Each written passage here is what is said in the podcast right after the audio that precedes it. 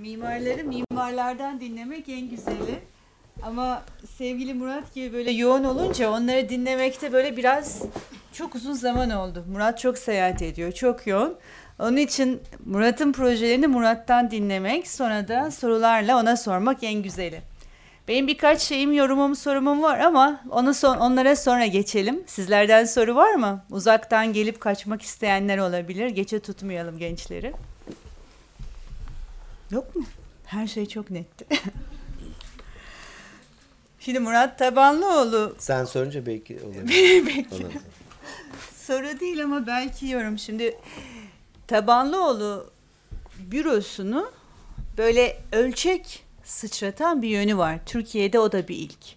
Yani lokal ölçekte çalışmaktan az önce başla, e, bahsetti sevgili Murat ama tabii kurumsallaşma yani corporate dediğimiz anlamda her türlü uzmanı kendi bünyesinde tutma, ekibine katma, bu kadar geniş ölçekli projeleri geniş uzman ekiplerle paslaşarak çalışma anlamında tabii Tabanlıoğlu bir ilk. O anlamda kurumsallaşma anlamında e, onların üzerine yazdığımız zaman sadece mimarlık değil, mimarlık mesleğinin tasarım ve üretimin yürütülme biçiminin aslında uzmanlaşması ve kur- kurumsallaşması açısından bence e, hani bu küreselleşen Türkiye, küreselleşen İstanbul diyoruz ya mesleği küreselleştiren firma tabii tabanlı oldu diye düşünüyorum. Hani ben hep bu eksende yazıyorum. Bu rasyonellik tabii e, aslında bir taraftan çok büyük güven veriyor. Belli bir zonda ilerlemeyi sağlıyor ama bir ana fikirle, o eksenlerle, malzemeyi deneyerek, yeni bir malzeme deneyerek kendinize meydan okuyorsunuz ama Afrika'da çalışmak nasıl bir duyguydu? Bir anda değil mi? Bütün o coğrafyadan, bu coğrafyadan yeni bir konteks Evet. var. Yani sen bir de batıdan gelen bir çocuksun. Hani bir de böyle Viyana Teknik Üniversitesi ve bir anda bir Afrika. O yüzleşme nasıldı? Ee, şimdi orada önemli olan bir kere oraya gitmek, heyecanlanmak. Yani her şeyde önemli gibi olduğu gibi yani bu kütüphaneyi yaparken de oraya gitmeden e, heyecanlanamazsın. Ama oraya gitmek e, e, şimdi reklam yapayım. Türk Hava Yolları sayesinde daha kolay. bir kere ulaşmak lazım. Afrika'nın her yerine uçuyor. Tamam. Ee, Ama e, önemli olan e, o ulaştıktan sonra e, orada e, mesela e, işte ilk e, şeyde Ekvator e, Spapo'da hatırlıyorum. E, küçük bir ada. Cumhurbaşkanının kızı e, iç mimardı tesadüfen mesela. O bize çok yakındı. E, bizi o gezdirdi. İş başvurusunda bulundum. Evet. yani bir takım tesadüfler oldu veya Dakar'ı yaparken e, Emil diye bir e, devletin mimarı bize çok yakınlık gösterdi ve kısa zamanda orayı gösterdi, istediklerini söyledi. E, şimdi üçü de o yüzden hani ikisi biraz daha bir üçüncüsü daha farklı yani o- oradaki şeylere göre E, ve e, bizlerle e, şimdi orada esasında işte bir sürü İngiliz, Fransız, Amerikalı mimarlar da var. Hepsi e, çok daha bizden corporate, daha güven verici falan filan. Ama e, belki bizim mentalitemiz onlara göre daha açık. E, daha samimiyiz, daha kolay konuşabiliyoruz. E, yani bu bence önemli bir e, şey. Yani bizim o oralar gibi e, yerlerde yani ben e, bu e, şeyde de olabilir. Çok daha uzak bir yerde de olabilir.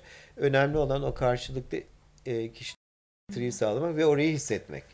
Zaten orayı hissetmediğiniz zaman e, çoğu mimarın yaptığı gibi işte Amerikalı mimarlar ne yapıyor? Hep ne deriz? E, çekmecesini açıyor, alıyor onu e, Tabii, oraya işte antetini değiştiriyor, biraz Rex'te süslüyor. görmedik mi işte Evet, bize evet, yaptıklarını? evet, evet. Rex'i biliyorsunuz değil mi? Yani Amerikalı firmalar bunu çok yapıyor. Vakko'ya yaptıkları Anadolu yakasında Koç grubunun yanındaki o şahane butik bina ama işte çekmecesinden çıkardı. Onu uyguladı. Evet. Yani onun için önemli. Kurumsallığa gelince belki bir şey söyleyeceğim. Yani burada çok genç mimar var. Evet. Ve çoğu birinci sınıf diye Evet. gözlemliyorum. Şimdi e, bugün daha bir toplantımız vardı. E, öğrendim ki biz 195 kişiyiz. 195 Beş. mi oldunuz? Şimdi bunun büyük bir kısmı hepiniz gelebilirsiniz. E, Per- Pera'da e, E, Pera Müzesi'nin hemen yanında. İşte biz 5 katlı bir yapıdayız. Bunun 4 katında biz varız. E, 138 tanesi mimar. E, bu 138 mimar 5 grupta, 5 stüdyoda. Bir şey düşünelim, bir department store. içinde de böyle butikler var. Ben kendimi öyle avutuyorum. Ee, çünkü öbür türlü e, ne deniyor? İşte fabrika gibi bir yer. Ee, onu yapmamak için benim 5 tane ortağım var esasında. Yani iki resmi ortağım, üçü de olacak inşallah. Onlar benim 10-15 senedir beraber çalıştığım Sağ kişiler. kollar. Ee, babamın zamanında şöyle bir piramit vardı ben hatırlıyorum. İşte bir e, ona e, bence aşık olan bir kadın vardı. Her istediğini yapıyordu. bir tane devamlı fotoğraf çeken biri vardı ve bir sürü insan vardı. Robot gibi. Ben oraya girip bir şey çizdiğim zaman bana bile itiraz ettiler. Ee, dediler ki burada babandan başkası çizemez. Ee, biz şimdi öyle çalışmıyoruz. Ee, sergileri de öyle yapmıyoruz. Ee, bu demek değildir ki ben yatıyorum da onlar çalışıyor. Ben her şeyin içindeyim. Ee, tabii ki Merkan da benim ortağım. Ee, biz işleri de paylaşıyoruz ama önemli olan bu şeyleri yapmak. Şimdi e, şöyle diyorum. Han'ın kaç kişilik bürosu var? 10 kişilik On. bürosu var. İşte bir tane hanım bürosu gibi, bir tane Nevzat'ın bürosu, bir tane Mehmet'in bürosu. Emre demiyorum çünkü Emre'nin bürosu da büyük. Ee, ama bunlar yani kendimi e, her gün işte birinin bürosuna bir saat ona gidiyorum, bir saat ona İyiymiş. gidiyorum. Böyle şey yapıyorum. Şimdi yalnız e, bütün bu gençlerin yani çoğu da genç, benden genç bir şekilde de rahatların iyi olması lazım. Nedir? İşte parayla uğraşmamaları lazım. En önemli şey o. Tabii, tabii. Kontrat yapmamaları lazım. İşte kira geliyor mu? Yani onların yani onların sadece işlerine konsantre olmaları lazım. Benim ana ilkem mimarların olabildiğince mimar kalması. Bunun içine ben de varım. Ee, diğer İşte. işlerle uğraşmamız. Mesela bir böyle bir bina yapacağız. Malzeme. Ee, aşağıda gelirseniz görürsünüz bir girişte malzeme departmanımız var. Orada dünyadaki, e, Türkiye'deki bütün taşlar, şeyler e, onların hepsi hazır. Fiyatları da belli. Gidiyoruz. Orası bir kütüphane gibi. Orada bakıyoruz. Orada beğenmiyoruz. Dışarıdan istiyoruz ama bunu yapan bir departman var. İşte bir e, buraya bir şey hazırlıyorum. İşte Elif Simge kaç kişi oldunuz? Beş kişilik bir grupları var. Hem sergileri yapıyorlar hem kitaplarla onlar onlarla uğraşıyor. Yani e, esasında bunların hepsi orayı support eden e, takımlar. E, böylelikle de biz mimarlık yapabiliyoruz. Tabii, tabii. Yani diye nasıl düşünüyorum. Vaktimiz ona. Hı hı. Lütfen. Hı hı. Yani Kesinlikle. vaktimizi daha çok tasarıma e, Çok böylelikle yapabiliyoruz. Süper. Çok akıllıca tabii. Yani çok rasyonel, çok akıllıca. Bir de insan gönlünden geçene devam ettiriyor. Çünkü aslında büyük bir lüks değil mi? O eskize devam edebilmek. e, Hala tasarımı tartışabilmek, üzerine sohbet edebilmek, en ince detayına kadar konuş, senaryoyu konuşabilmek Evet. değil mi? Sen ona vakit bulabiliyorsan şahane. Bir de e, bizim bir ilkemiz var. Bu ama böyle bir yerde yazılı veya e, tasarlanmış değil. E, ama babamdan bek- e, başlayan ama daha sonra da şöyle geliştirdik. Her bina bir prototip esasında. Yani e, hepsi birbirinden farklı. Bana hangi binayı beğeniyorsun diye sorarsan hiçbirini beğenmiyorum. Yani hep bir daha ileriye bakıyorum. E, ama bunun aykırı mimarları var. Mesela Zahadit'in binaları hepsi esasında Zahadit binalarıdır. Tabii. Zahadit İstanbul'a geldiği zaman bir Zahadit Street yaptı. Bunu da karşılıyorum. Ee, Richard Mayer e, ben Viyana'da okurken e, 80'li yıllarda Dream Houses diye evleri Hmm. vardı. Amerika'da 15-16 tane yaptı. Seneler sonra onu kendisini Bodrum'da gördüm. Ee, Bodrum'da kare bir da ev kitabı vardı. Dream Houses diye. Aynen kitap Bodrum Houses. Beyaz. Ee, sadece Dream House üzerine Bodrum Houses yazıyor. Aynı e, babam da hep aynı şeyi kullanırdı. Ee, Tabii benzeyi de önemli. Ee, ve bina da aynı benim için. Yani e, bu deme ama bir klasik. Richard. Mayer'e bir ev yaptırmak şu anda Amerikalı bir zengin için bir klasik yani bir mobilya alır gibi bir şey. Ben buna da karşı değilim ama ben öyle biri değilim mesela. Yani e, bu bence mimar olarak en önem vermeniz gereken karar. Tabii yani bu bence mesela Murat üzerine yazılan eleştirilerde benim katılmadığım nokta işte kutu diyorlar. Aslında o kutunun içinde yani mimar olarak kendinize bir problem belirliyorsunuz. Sonra o alanda paslaşıyorsunuz, kendinize meydan okuyorsunuz ve hepsinde yeni bir varyasyon deniyorsunuz. Çünkü zaten e, belirli noktada o dar parselde o kutuyu her seferinde kıran yeni bir cephe. Ama ben bu çatı ana fikrine çok bayıldım. Çatı ana fikri birkaç yarışmada da denediler. Muratlar onu çok açık etmediler. Onu sınadılar, test ettiler, çalıştığını gördüler. Şimdi o çatı ana fikrinin altında o kutuların, rasyonel kutuların varyasyonları, eksenle kırma ki Konya'daki ana fikir çok güçlü bir ana fikir. Bittiğinde umarım hepimiz zevkle gezeceğiz.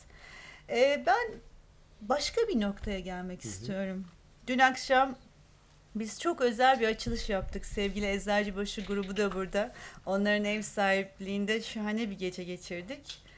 Senin çok özel, Melkan'ın çok özel bir binası İstanbul Modern. Bizim kentimizin ve bizim gündelik yaşantımız için çok özel bir günde, e, güncel durak. E, her bina insanın çocuğu gibi oluyor muhtemelen. O da aslında İstanbul'daki hepimizin hayatına dokunan çok özel bir nokta. Ama galiba biz orada işte Vitra Çağdaş Sanatlar Müzesi serisindeki dizisindeki son sergiyi açtık. İki buçuk ay sergi devam edecek ama sonra ne olacak? Yani sen biliyor musun? Çünkü Galata Port konusunda biliyorsunuz çok büyük e, 2001'den beri böyle müthiş tartışmalar var. Ama oradaki en en omurgalı duruş şöyleydi. Bir mimarlık bürosu en azından süreci şeffaflaştırdı. Okullarda anlattı. Her kamusal platformda aslında Göster. İstanbul Modern'in devamında o Galata Port projesinin inişleri, çıkışları, süreci yani biz bir şekilde biliyorduk. Bildiğimiz için de galiba hırçınlaşmıyorduk. Şimdi bir anda bütün o kıyıda ne olduğunu bilmiyoruz zaten. O projenin veriliş biçimi falan zaten çok değişti. Peki İstanbul Modern'in müelliflerinden biri olarak biliyor musunuz oraya ne olacağını? Şimdi e, çok kısa eski bir anlatayım. Lütfen. 2000 yıllarda e, yıllarında e, biz e, o zamanlar bir yarışma değil ihale sonunda bize verdi devlet e, oranın bir master planı yapmaya. Ondan sonra da o bildiğiniz şey oldu. E, işte e, corruption'lar, işte oferler çıktı, mimarlı odası karşı çıktı falan o proje durduruldu. Oradan tek çıkan e, şey esasında yani e, hatırlıyorum gazetelerde 1 milyar dolarlardan bahsediliyordu oranın e, şeyi değeri için o zamanlar. Şu, şu anda belki normal geliyor ama o zamanlar için çok e, 2000 Büyük. yıllarında Tabii, büyüktü. tabii.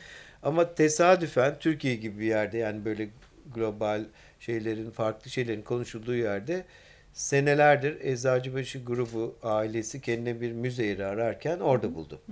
Ee, orayı tesadüfen Guggenheim'de istemiştim mesela. Ee, biz o master planı yaparken. Sonra biz ilk önce geçici, daha sonra belli bir süre kalıcı olarak şu anda da işte seneleri geçti. O binayı yaptık. Ee, antreponun içine o binayı güçlendirdik e, ve yaptık. Şu anda tabii ki e, benim de tam bilmediğim orası için bir master plan var. Hiç kimse Binanın- bilmiyor. evet. Bilen biri varsa. İşte bir yandaki bina kurtuldu. Emre'nin yaptığı müze var. Ee, ama diğerleri de işte bir kısmı herhalde liman olacak. Bir kısmı sinemalar, e, lokantalar, oteller falan geliyor tahmin ediyorum. Ee, e, bu bina ise şu anda ilk önce biz bir devredeydik. Şimdi devre dışı kaldık. Ee, o yüzden hani ben de tam e, size net olarak söyleyemeyeceğim ama e, Bir binanın altyapı sebeplerinden dolayı tahmin ediyorum. Yani binanın altına otopark yapılmak isteniyor falan. Herhalde yıkılacak e, ve müzeye yeni bir yer yapılacak ama kim ve nasıl yapılacak onu bilmiyorum. Evet, çok önemli bir kentsel durağı kaybetmek. Yani ben oranın çok se- e, iyi bir kullanıcısıyım. Ben kendi adıma çok üzülüyorum ama asıl kayıp tabii kent adına. Fakat meslek adına da çok ciddi bir kayıp. Müellif olarak, yasal olarak aslında çok büyük hukuki haklarınız var. Size sormadan en ufak bir değişiklik yapamazlar. Ama bu tabii biliyorsunuz Anayasa Mahkemesi kararlarının bile tanınmadığı bir ülkede ne oluyor? Hukukun tanınmadığı genel bir süreç her her noktaya sızan, nüfuz eden bir sürece dönüşüyor. Mimar olarak da haklarınız tanınmıyor. Başka bir şeye dönüşüyor. Bir de orada bir ana ilke vardı. Belki en son onu söyleyebiliriz. Binaların yıkılmadan güçlendirerek yapılması. Yani İslam modernin şu halinde öyledir. Emre'nin yaptığı da öyledir. Ama diğer e, şu anda diğerlerinin yapılması yıkılarak Yıkıldı. yapılıyor. Ki bence bu tartışılmalıydı. Çünkü e, antrepolar da neticede 1960'lı yılların Sedat Hakkı Eldem'in bir projesi. E, bir yani bazısı beğenmeyebilir falan hani böyle var ya bugün konuşuluyor falan. E, işte belli bir ritmi olan bence e, Modern mimarlık e, bir tarihiydi. Bizim master planda esasında onları koruyarak e, sadece yeni deprem yönetmeleri güçlendirerek ve altyapı getirerek kullanmaktı. Şimdi ise tamamıyla Tamam. farklı bir şey yapılıyor. Yani aslında bu çok önemli bir nokta. Seversiniz veya sevmezsiniz. Herkes her şeyi sevmek durumunda değil ama kentin bir belleği var, toplumun bir belleği var. Yapısal çevre aslında onu özümsüyor. Onda müthiş olağanüstü birikim var. 50'lerin, 60'ların çizgisi ve hani bizim mesleğimizin piri, çok önemli bir isminin imzası. Artı başka bir şey var. Yani o böyle 18. yüzyıl, 17. yüzyıl Osmanlı saraylarının bir çizgisi var değil mi? Bütün boğaz siluetinde yataylığını devam ettiren. E, Boğaz'daki aslında son imza Muratlarındı. O yataylığı devam ettiren. Aslında olağanüstü bir görsel bellek, toplumsal, kültürel bellek o yataylıkla devam ediyordu. Ama grid sistemle devam ediyordu. Şimdi iki gecede Salı Pazarı binalarının aa ne oluyor filan derken e, hani kendi adıma da hani hiçbirimiz daha tepki galiba tepki gösteremeden bitti.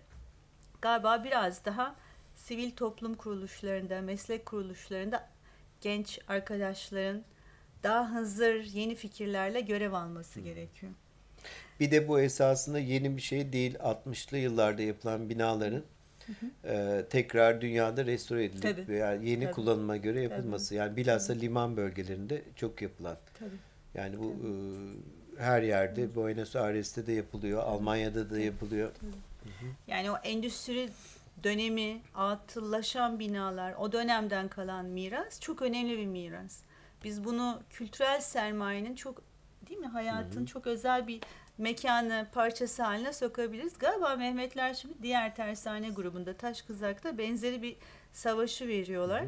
Ee, yıkın demişler onlara. Bizle paylaştığı kayıt, kayıt dışında kalmak üzere olan bir şeydi. Umarım bu verdiğim sır paylaşılmaz.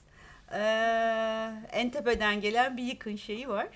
Ee, ama onlar galiba birkaç binayı tutarak e, Birkaç bina değil, büyük bir ölçekte. tutarak e, devam ediyorlar yollarına.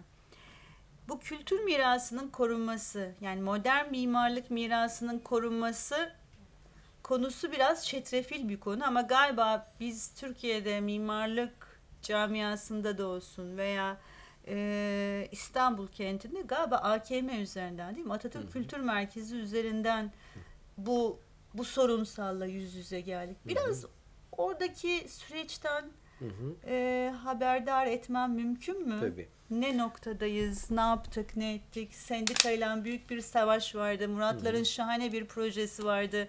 Yenileme projesi. Burada göstermedi ama şahane bir kesitti. Şimdi e, 2009 yılında e, hatırlarsanız 2010 e, İstanbul Kültür Başkenti e, diye bir kuruluş vardı. E, orada da e, çeşitli projelere çeşitli bütçeler ayrıldı. Bunların içinde camiler var, çeşmeler var ama e, orada Korhan Gümüş de vardı ve onun e, esasında teşviğini e, e, o zaman da e, Ertuğrul Günay e, Kültür Bakanı, Turizm ve Kültür Bakanı e, bu e, yeniden AKM'yi canlandırmak üzere bir bütçe yapıldı. Biz de e, binayı bu şekilde tekrar ele aldık. E, şimdi orada baktığımız zaman bahsettiğimiz gibi 60'lı yıllarda yapılmış, sonra 80'li yıllarda yanmış, e, tekrar yapılmış e, bir bina nasıl restore edilmeliydi? En önemli olan o. E, şimdi bazı örnekler var. Mesela Londra'da e, Royal Festival Hall'a baktığınız zaman 60'lı yıllarda yapılıp e, 2000'li yıllarda restore ediliyor ama bir takım değişikliklere uğruyor. Bu bir yorum. Ee, İkinci e, yorum e, sadece şu anda mesela Mies van der Rohe'nun Berlin'deki e, yapısını David Chipperfield e, yeniden yeniliyor. Ama bittiği zaman aynısı olacak. E, tek yaptıkları en önemli şey e, işte o çelik binanın camlarını tekrar bugünün yapı fiziği şartlarına göre oturma. Yani daha çok bir mühendislik işi. Eskiyi koruyarak, e, ruhu koruyarak.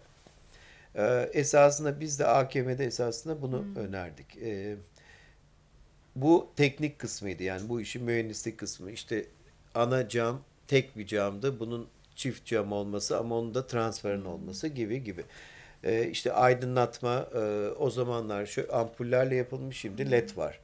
Ee, akustik hesapları o zaman farklı yapılmış. Nasıl yeni bir akustik olabilir? Ee, gibi e, mühendislerle de çalışırken bir proje hazırladık. Bir ikinci şey asıl itiraz edilen kısmı oydu. Onda bir problem yoktu. Ee, madem bu bina yenileniyor o zaman bugünün opera binasında o zamana göre ne farklılıklar var? Şimdi mesela Londra'daki bir operaya veya işte Scala'ya gittiğin zaman yine orayı da restore edildi. Yine orada hissedilmiyor o restorasyon, her şey arkada teknik olarak becerilmiş. Bir tek dijital koltukta şey var işte İngilizce'de seyredebiliyorsun e, istersen. E, ama girişinde bir lokanta var. Yani bu şeyin gereği veya işte bir e, lo, e, şeyde Londra'daki şeyde e, kitapçı var. Ama o kitapçıda sanatla, kültürle ilgili bir kitapçı. Gidip herhangi bir kitapçı değil. Biz bu tip önerilerde de geldik. Orada biraz problemler çıktı. E, e, o problemler çıktığı için de esasında daha sonra proje bir şekilde durduruldu. Yani o Gezi Park'tan 3 gün sonra e, yaklaşık işte kaç sene oldu? 3 sene geçti değil mi? E, böyle duruyor şu anda. Evet. Yani kentin kentteki en büyük zenginliklerden biri ama en önemlisi Akbil vatandaşı olan öğrenci için en büyük zenginlikti. 5 liraya, 10 liraya kültür hayatının parçası olmak çok önemli. Ve düşünün ki seneler sonra hiç yeni bir şey yapılmamış Evet, bir salon. Yani e, hala o kalitede e, ki Yok. bu yenilenseydi akustiği olan e, sistemleri olan bir salon yok. Tabii. Yani koskoca İstanbul'da ne binalar yapılıyor şu anda. Bir de yani hani içinde olduğumuz sahneyi de düşünelim. Hem büyüklüğü, Evet. ölçeği hem de her türlü performansa e, izin verecek mekanik düzeni var. Hiç AKM'de bir şey izleme şansına sahip oldunuz mu? Sahne oynar, aşağı çıkar, yukarı çıkar, yukarıdan bir şeyler iner. Olağanüstü bir kesit tabii. Hayati en Bey büyük çok problemi uz- manuel olmasıydı Tabii, onların. Biz tabii, onları dijital hale getirecektik. Evet. Evet, kentin en önemli atar damarlarından birini kaybettik. Ee, daha küçük mekanlarda, kısa alanlarda dar paslaşmalarla devam ediyoruz. Daha geniş bir kamusal mekana ihtiyaç e, şart. Ben hem Sayın Cumhurbaşkanı ile hem sendikalılarla görüşmelerde aynı şeyi söylüyorum iki tarafa da. İki tarafta aynı dili kullanıyorsunuz diye tek bütün o toplantılarda söylediğimiz, verdiğimiz mesaj o arabuluculuk, diyalog kurmak çok önemli ama aynı karakterde olduğunuz zaman, aynı sert karakterde belki, aynı dili, aynı alfabeyi kullandığınızda uzlaşma galiba olamıyor. Çok zor. Yeni alfabeler gerekiyor. Onu da galiba o sözcükleri ve yeni alfabeleri bulacak olan galiba sizlersiniz. Ee, bu kuşaklar galiba bulamıyor. ikna edemiyor diyelim bul, bulsalar da. Belki sizlerin daha hınzırca ikna etme yöntemleriniz olabilir o ikili grupları. Soru var mı? Zeynep'ciğim? Benim iki sorum var. İkisi de iki farklı diktatörlük hakkında. İlk başta bir tanesi bu Afrika'da Katar'da gösterdiğiniz projeyle alakalı. Dakar, Dakar'ım, e, Ha, Dakar, pardon. Dakar. Ee, Dakar'daki projede şimdi orayı anlayarak hani bir şey yaptığınızdan bahsettiniz. Görselleri gösterirken de hani o insanların kıyafeti hani festival kıyafeti değil günlük kıyafetleri ya dediniz. günlük derken konferansa geldikleri kıyafeti. Hı hı. Ee, bir de orayı anlatmaya başlarken şey dediniz. Diğer iki projeden farklı olarak burası daha kamusal bir proje olacak. insanları e, alacak içine hani ve hatta oradaki işte yemekhanede falan insanlar dışarıdan yemeklerini getirip sosyalleşiyorlar. Ee, siz de şeyden bahsettiniz hani binanın e, bronz ve soft renklerinin içinde oradaki insanların e, canlı görüntüsünden bahsettiniz. Bunu hiç düşünmüş müydünüz? Yani orayı tasarlarken oradaki insanların hani aa evet bu insanlar gündelik hayatında da bu kıyafetlerle geziyorlar. Biz binanın renklerini tasarlarken ve bu bina insanları içine alacak ve insanlarla var olacak bir bina olacak ise e, biz onlarla e, hani dijital değil ama belki görsel olarak bir interaktif duruşta bulunalım ve öyle bir tasarım yapalım. O yüzden binanın renkleri soft olsun. Ee, esasında bu sırf orası için değil genel olarak bir e, duruş. Hani binanın renklerinin e, daha işte hani şey gibi değil mi? E, mimarlar siyah giyinir. Ben e, lacivert giyiniyorum arada siyah giyiniyorum. Ama siyah görünüyor bu. Siyah giyiniyorum. E, e, şimdi esasında yaptığımız bir fon oradaki. E, işte bej renkler, bronz yani bu mesela gri renkler olabilir. Simsiyah renkler olabilir. Mesela Luzern'deki Jean Nouvel'in binasına gittiğiniz zaman daha koyu renkler var. Daha o farklı bir şey yapmak istiyor. Daha kara her şey. Bu ise daha bembeyaz olabilir değil mi? Belki hani böyle e, Miami'de falan olsa değil mi orada değil mi? Veya Bodrum'da diyelim beyaz olabilir ama burasının böyle e, hem bilinçli hem bilinçsiz esasında. Yani e, ama onların esasında mesela koymak istediğimiz objeler biraz renge şeyde girdik farkındaysanız. Lokantanın çatısı ve etrafında. Çünkü orası biraz daha farklı olmalıydı. Yani onlarla biraz daha bağdaşan. Öbür yerlerde ama çok da soğuk olmamalıydı. Daha natürel renkler olmalıydı. Yani esasında biraz bilinçli. Ee, ilk buranın fotoğraflarını size göstermedim. Çekildiği zaman hayal kırıklığına uğrattım, uğradım.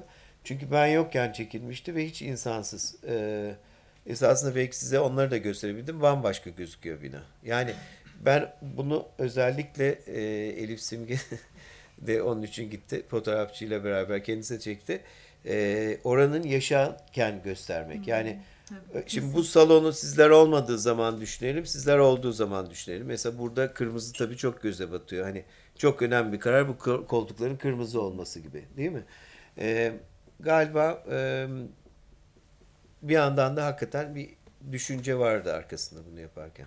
Ne düşünüyorsun? Ee, şöyle de bir durum var. Ben tezimi yaz- yazarken yüksek lisans tezimi moda ve mimarlığın ara kesitinde bir tez yazdım ve alt başlıklarımdan bir tanesi etkileşimli olmakta ama bu etkileşimi hani dijital günümüz teknolojisinin etkileşimli olma kısmının ötesinde böyle e, hani insanın bizzat oraya gelip orada var olmasıyla mimarinin değişmesi olarak da e, incelemiştim. Hani o yüzden aslında biraz da siz de gösterince Evet. direkt kafamda bu soru oluştu.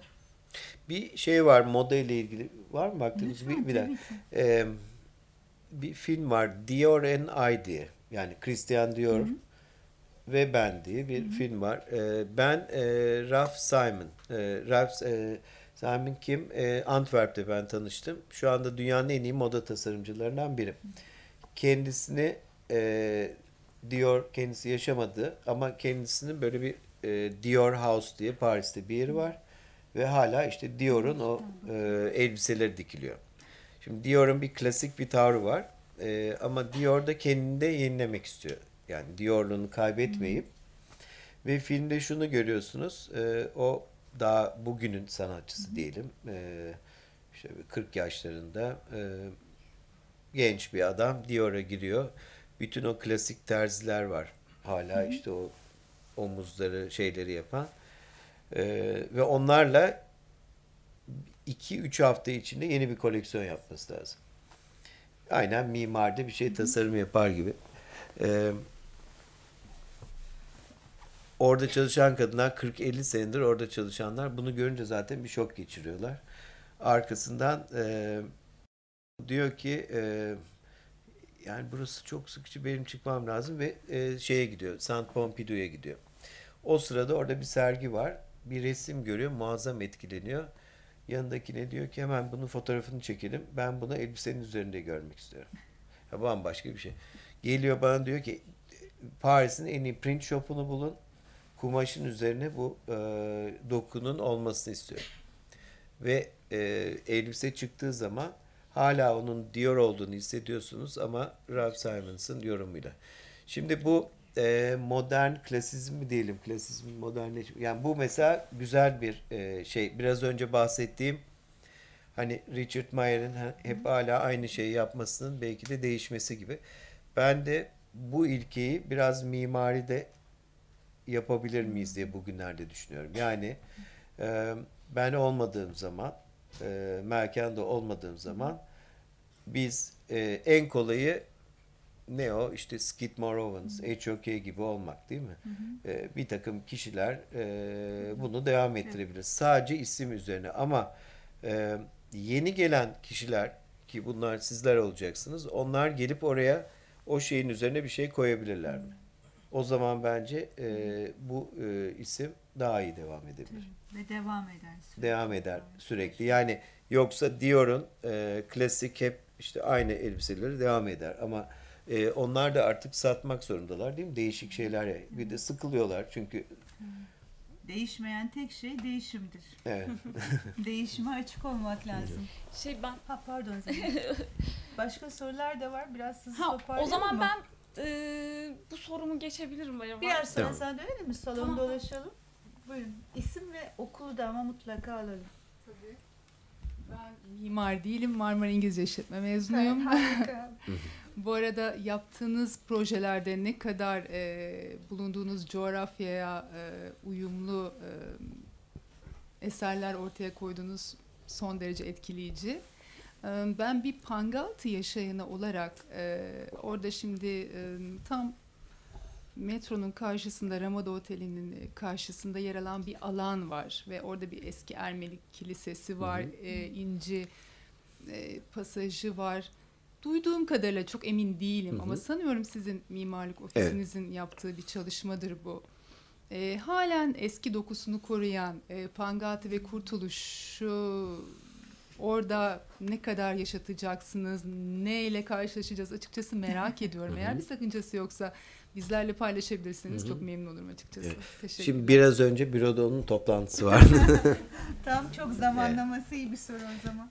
Ee, şimdi bu bölge dediğiniz gibi Ermeni Vakfı'na ait. Ee, onlar bize gelmediler. Onlarla anlaşan e, şimdi onları artık müteahhit edemiyor değil mi? Ee, developer Evet, değil mi? Öyle isimler var. geliştirmeci. Çünkü neticede para yatırıyor oraya.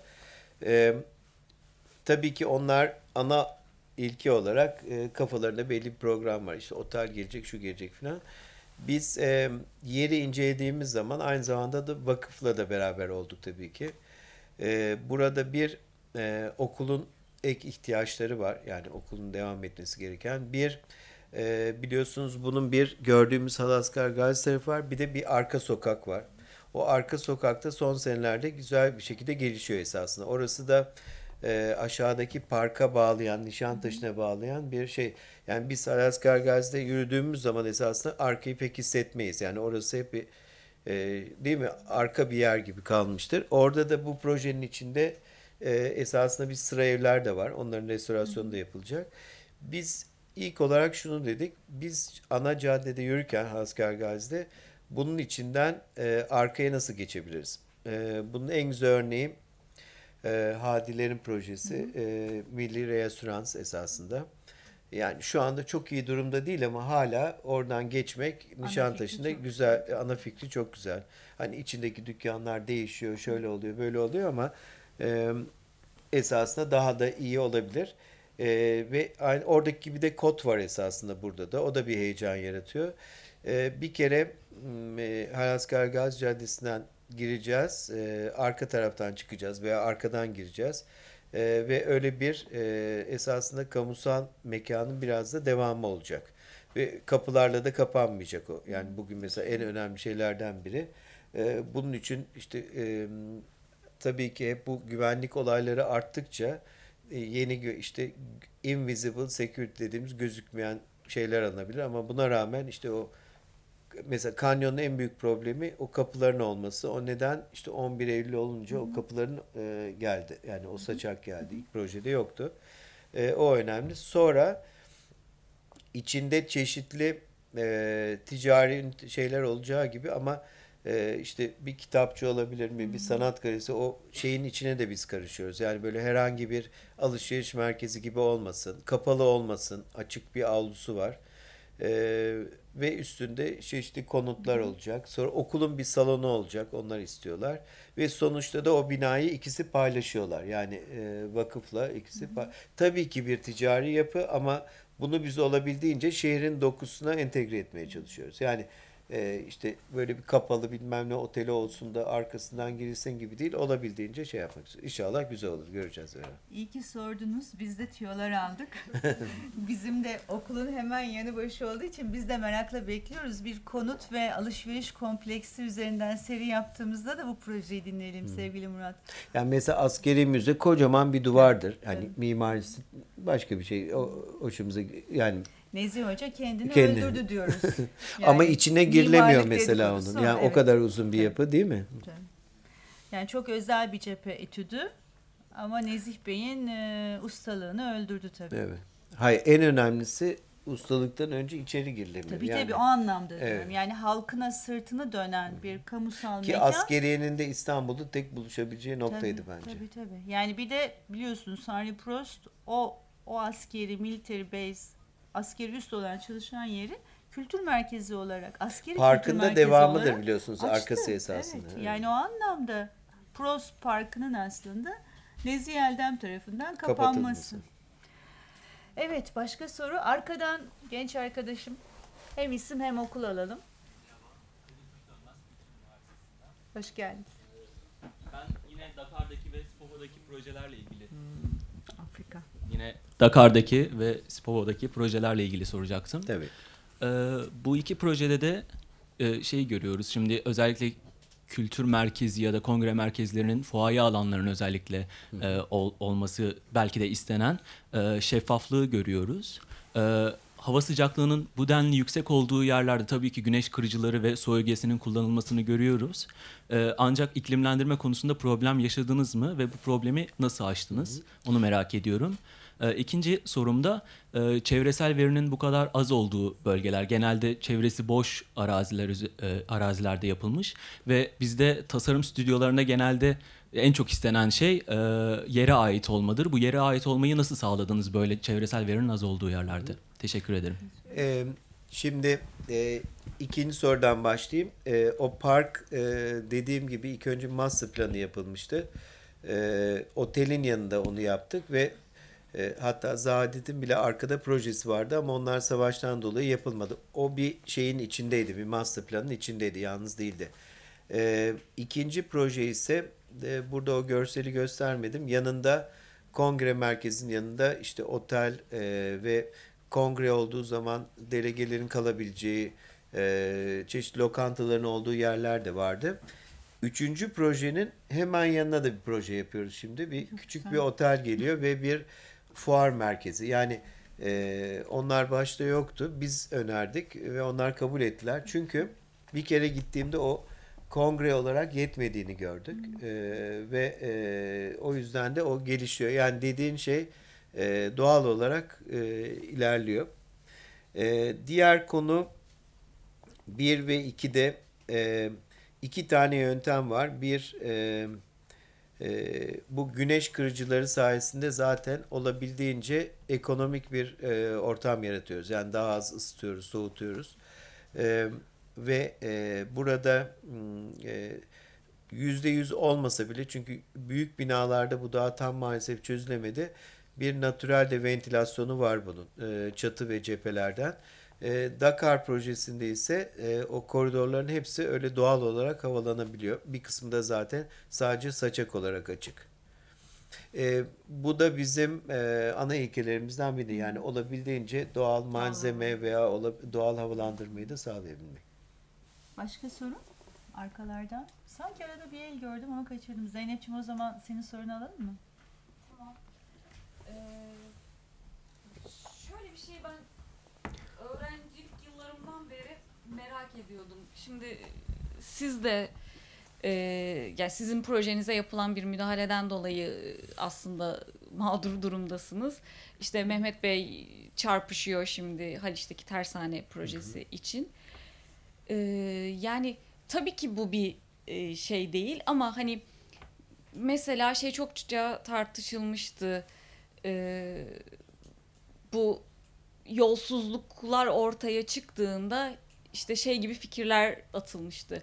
Oradaki diğer işte atıyorum partilerden insanlar terk etse meclisi ben artık bu çatı altında bu yolsuzlukların yapıldığı çatı altında milletvekilliği yapmak istemiyorum dese o zaman hükümet ne yapardı gibi.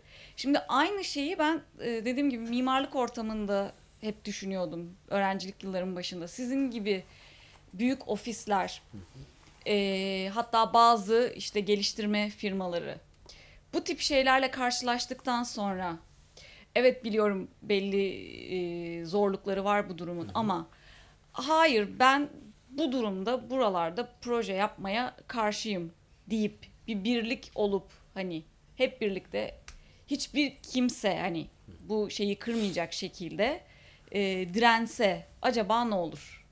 Mümkün mü?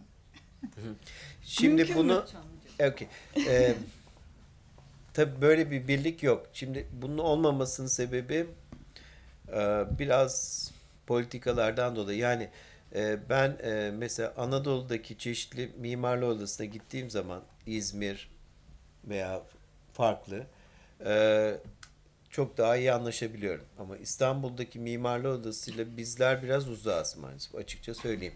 Keşke beraber olsak. E, şunu açıkça söylüyorum. Oranın e, başkanı bana AKM'nin üstünde restoran olmaz dedi ama mimarlı odasının üzerinde şu anda Karaköy'de pahalı bir lokanta var yani. E, zenginlere o da öyle diyor. Zenginleri var. Yani orada oluyorsa AKM'nin üzerinde de olabilir. Ayrıca da o herkes için olacaktı. Şimdi o yüzden dolayı orada bir birleşme olamıyor. E, ama ben e, ve yakın e, dostlarım mimarlar bizler çoğu projeleri reddediyoruz. E, çoğunu da bilmiyorsunuz. Yani e, ben e, ve karşı çıktığım şeyleri yani amacımız sadece para kazanmak değil. O yüzden de e, ben de ve diğerlerinin de reddettiğini biliyorum. Yani bu tabii ki müstakil bir şey. Keşke e, bu genel olarak olabilse.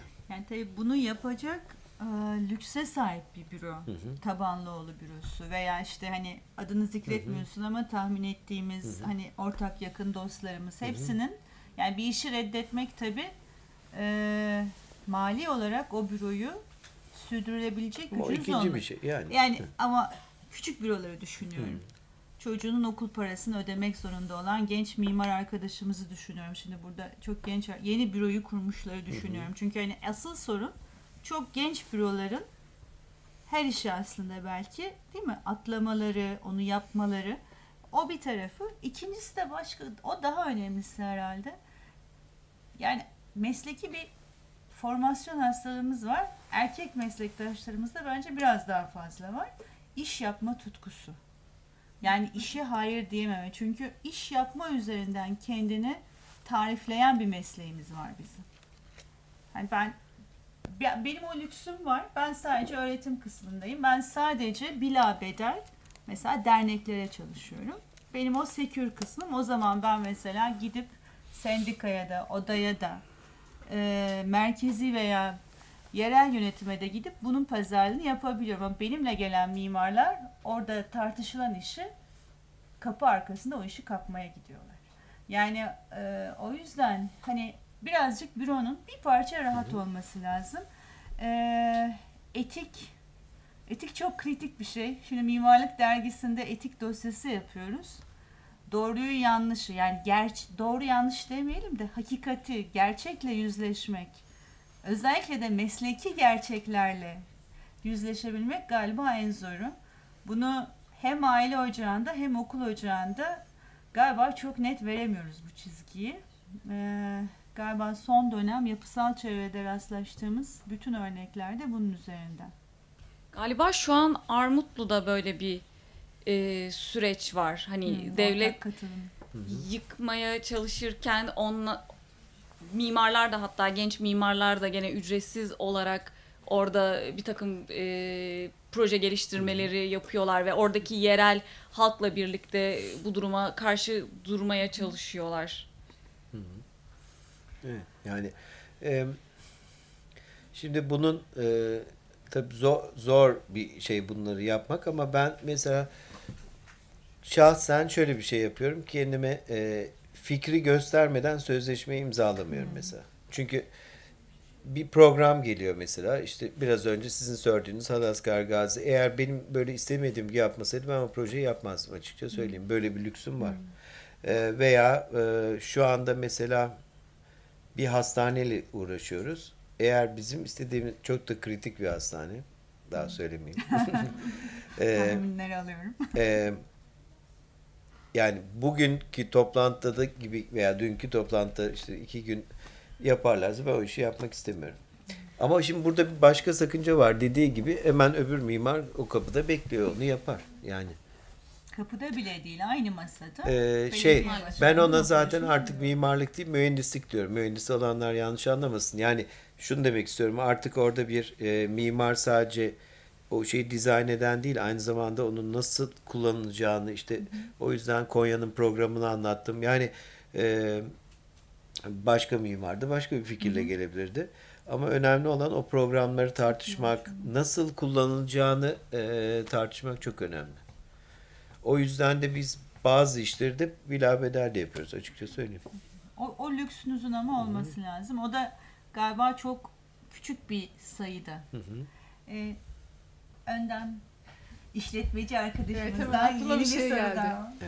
Eee, yaptığınız bir binanın renovasyonu gerektiği zaman yine eee, sizin yapmanız bir sözleşme koşuluna mı bağlıdır yoksa bu bir takım hukuksal çerçeveleri var mıdır bunun? Onu merak ediyorum çünkü. Şimdi bize genellikle e, biz veya karşı yani işveren bize bir sözleşme verir ve orada da en önemli maddelerden biri e, telif haklarının kimde kalacağı. E, büyük kurumsal şirketler e, çoğu zaman bunu almak isterler. E, sebebi de e, Türkiye'de son yıllarda yaşanmış bir takım müelliflik davaları onları bir şekilde korkutuyor ve geriyor esasında. Yani e, ben rahmetli Beyrut Şinci'nin davalarını hatırlıyorum. O böyle her şeye dava açardı ve savaşırdı. Ankara'da, çeşitli yerleri, İstanbul'da.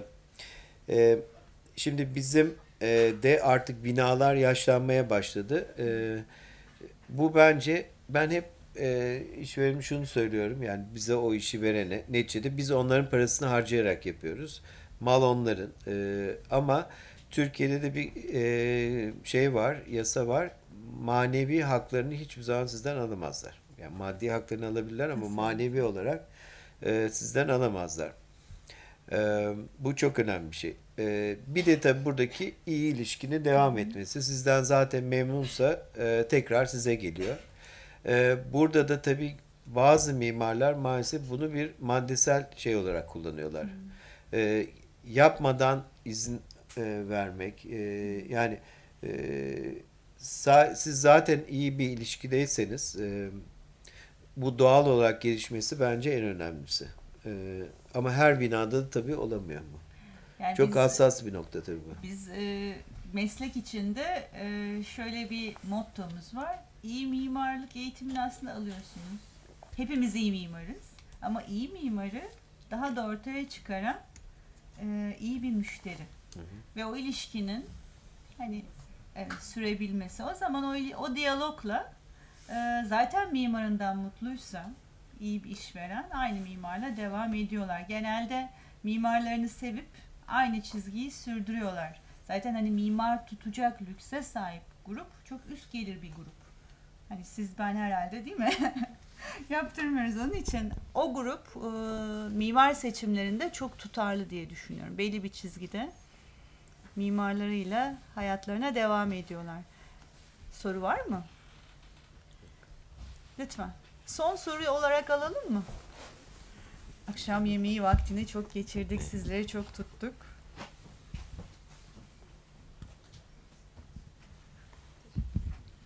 Ee, iyi akşamlar. Ee, Afrika'da yaptığınız yapılardan bahsettiniz. Ee, Afrika Okul ve kültür isim olarak adı alalım mı? tabii İpek Türkoğlu Doğuş Üniversitesi. Ee, orası kültür olarak sonuçta hani daha farklı olduğu aşikar. Orada yapacağınız yapıları tasarlarken hani oranın kültürüne uygun yapılar mı tasarlanması amaçlandı ya da istendi ya da daha batıdan ya da Avrupa'dan hani farklı tarzlarda bir yapı tasarlanması mı istendi? Eğer hani oranın kültürüne ait yapılar tasarlanması istendiyse hani sonuçta orada yaşamadığınız için ya da hani çok iyi bilmiyor olabilir yani bilinmediği için farklı bir yer olduğu için hani bu süreç nasıl gelişti? E, tabii böyle bir şey verilirken genellikle e, orada da tabii iyi işveren, kötü işveren konusu var. E, bazen hani Türkiye'de son zamanlar tartıştığımız gibi işte şuna benzesin veya işte şu stilde olsun. E, üç binada da böyle bir şey yoktu. E, şimdi ilk en tehlikeliydi Kaddafi çünkü o biliyorsunuz işte e, çadır seviyor yani çadır gibi bir şey ister severdi. E, o yüzden bu bize bağlı bir şeydi esasında. Biz onlardan programı alıp orayı olabildiğince yakın araştırdıktan sonra e, bu gördüğünüz tasarımları kendimiz oluşturduk. Ama e, şimdi burada üçü de birbirinden farklı. E, bence e, o oraya gittiğimiz zaman gördüğümüz hisler, oradan etkilendiğimiz şeyler e, bunların tasarımında e, etkili oluyor diyebilirim. Yani bunun bir kuralı yok esasında oradaki o günkü his, Tabii. o hafta geçirdiğin şeyler falan hepsi birleşiyor. Başka coğrafyada çalışmak tabii olağanüstü bir meydan okuma. Hem kendine hem yere hem ekip onun organizasyonu inşallah diğer coğrafi bölgelerdeki projeleri de en kısa zamanda dinlemek üzere. Çok teşekkürler sevgilimler.